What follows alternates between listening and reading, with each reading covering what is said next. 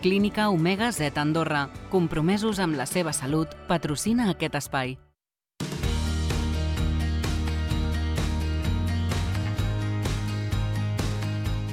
Anem a connectar amb la clínica Omega Z i amb la doctora Núria Escoda, que ja ens escolta. Doctora, bon dia. Hola, bon dia. Què tal? Molt bé. Com prova el 2024? Doncs pues molt bé, moltes gràcies. La veritat, estupendament. Aquí avui fa un sol radiant. Bueno, aquí, fa, aquí fa fred, però estem contents, eh? Que faci fred i que hagi nevat una mica. No... El que passa que és, és d'aquelles coses que no acabes d'estar mai content, perquè quan arriba aquest fred, que és el que ha de fer, vas pel carrer i dius, carai, quin fred que fa. Però, en el fons, si li dones mitja volta, eh, hem d'estar contents que faci aquest fred i que tinguem neu a les muntanyes. La millor notícia, la veritat que sí. Clar que sí. Doctora, per on ho fem girar, això, avui? Aviam. A veure, avui eh, hauríem de parlar del tema de la diferència de tractaments en medicina estètica que fem en, ona, en homes i en dones. I en dones. I aquesta diferència, eh, el gènere és imprescindible, que és la primera pregunta que se m'acut. Sí, sí que ho és, perquè hi ha moltes diferències estructurals en el rostre d'un home i d'una dona, a nivell ossi, a nivell muscular, i això defineix uns trets diferents a la cara, tant en un home com en una dona. Per tant, quan et planteges fer un tractament um, segons el sexe, el que has de tenir molt de cura és que estàs potenciant o millorant els trets masculins o femenins, segons sigui el cas. Si no, et pots trobar en què masculinitzes un rostre femení o feminitzes, que és el que més correntment passa, un rostre masculí. I llavors eh, fas un aspecte estrany i no harmònic en el rostre. I això com es fa? Perquè, clar, eh, m'acaba de fer l'anunciat, doctora, però com es materialitza això a la feina mèdica? Com, com, com ho resolen? Mira, perquè quan... Eh, primer que ja les peticions són diferents, un home normalment ja et demana masculinitzar el rostre, fer-lo més fort, eh, quan tu tens una mandíbula potent o una, o una mentó potent, el rostre expressa més força, més potència. I normalment els nois ens demanen això. Les noies normalment tenen un rostre més triangular, amb pòmul més alt, el mentó acabat més en punta, més afinat, i el que et demanen és generalment millorar i potenciar aquests trets. És a dir, amb un home li treballes normalment sempre més eh, la part del terç inferior, eh, el que és mandíbula la fas més quadrada, més forta, com si el, el muscle del macetero fos més potent.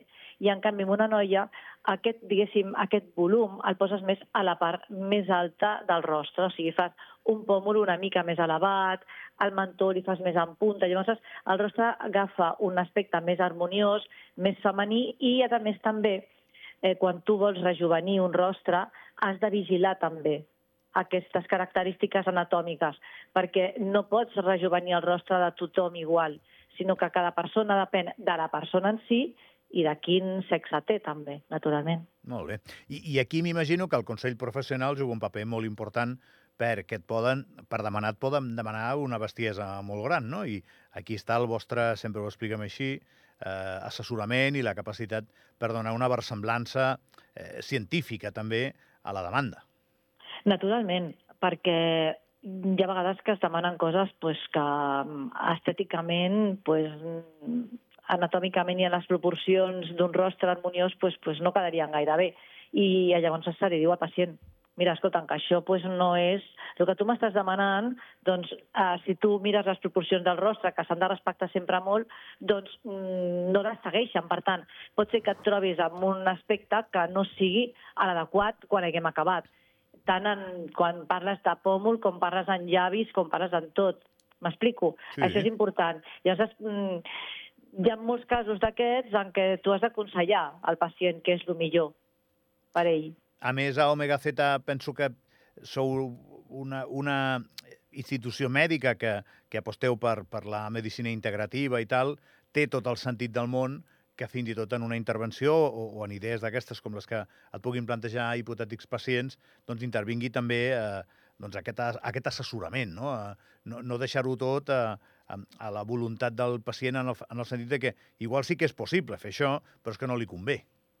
Bueno, és que, a veure, és que un acte mèdic de medicina estètica és un acte mèdic i es basa en un diagnòstic. I tots els tractaments de medicina estètica tenen uns protocols i tenen unes característiques que s'han de respectar.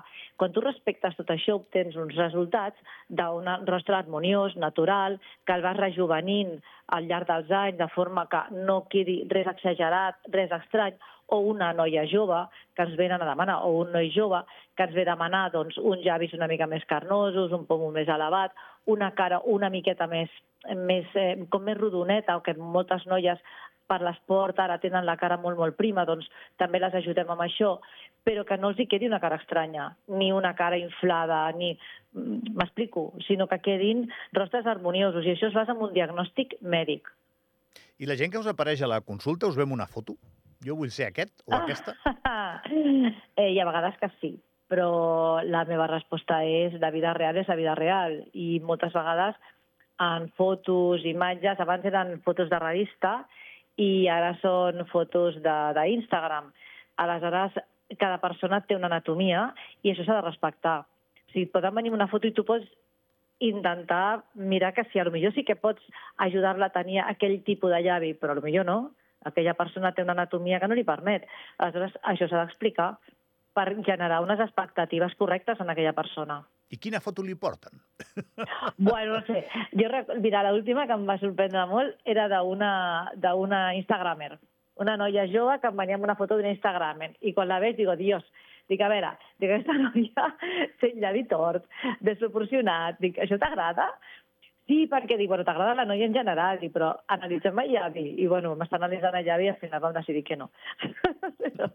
L'última, eh? Bueno, Que per això, per això esteu, i per això està molt bé que fem aquestes entrevistes, perquè així sabem una miqueta més com és la, la vostra feina. Clar, jo si em presento a la seva consulta doctora aquest matí, doncs vindrem una foto de Brad Pitt. Però, Bueno, però clar, si em, comencem a fer la comparació, doncs clar, igual, igual no és un retoc, és una reconstrucció completa. Eh, potser o no, mai se sap, o bueno, no se sap, però bueno, parlaríem de com podem millorar el teu rostre, que això sí que ho podem fer. Jo, jo rostre tinc bastant, eh? O sigui, no, no... Ja, anatòmicament parlant, vull dir. Ja, ja, ja, ja, ja. Bé, recuperem el titular inicial, doctora Sí. Escoda, eh, que era doncs, aquesta diferència de, de gènere, que, Mhm. que crec que vostè l'ha volgut subratllar probablement perquè socialment no deu estar encara prou subratllat que, que en aquesta classe de, de medicina eh, mm, hi ha una diferència clara de gènere que s'ha de tenir sempre present a l'hora de començar a parlar, de començar a treballar. Sí, sí per, per el que li deia, anatòmicament són molt diferents. Des del tractament amb àcid hialurònic, quan tu vols potenciar un pòmul o vols potenciar una mandíbula o vols eh, engrossar un llavi, com quan, per exemple, vols fer un tractament amb botox o toxina botulínica.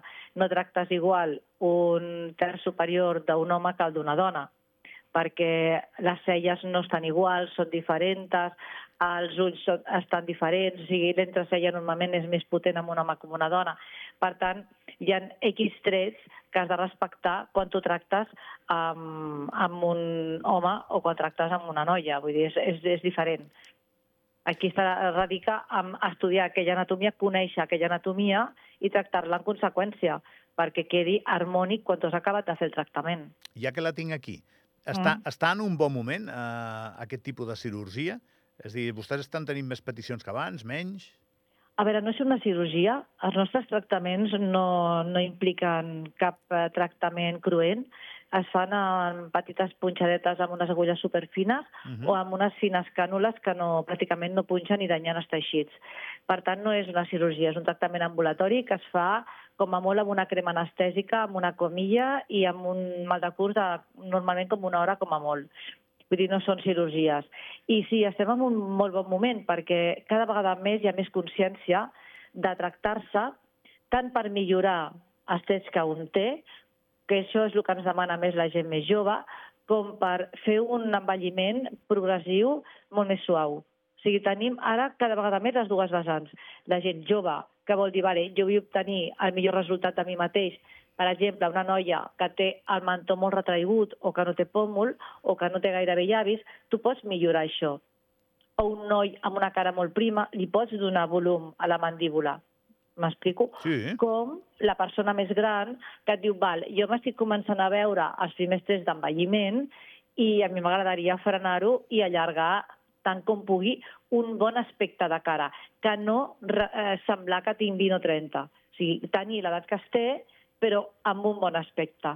Per tant, tenim ara cada vegada més un, un ventall molt més gran d'edats que es venen a fer tractaments de medicina estètica.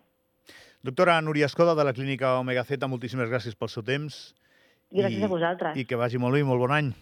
Encantada, igualment, bon any. Que vagi bé. adéu, adéu, adéu. Fem una petita pausa, ara us poso una cançoneta i després tertúlia esportiva.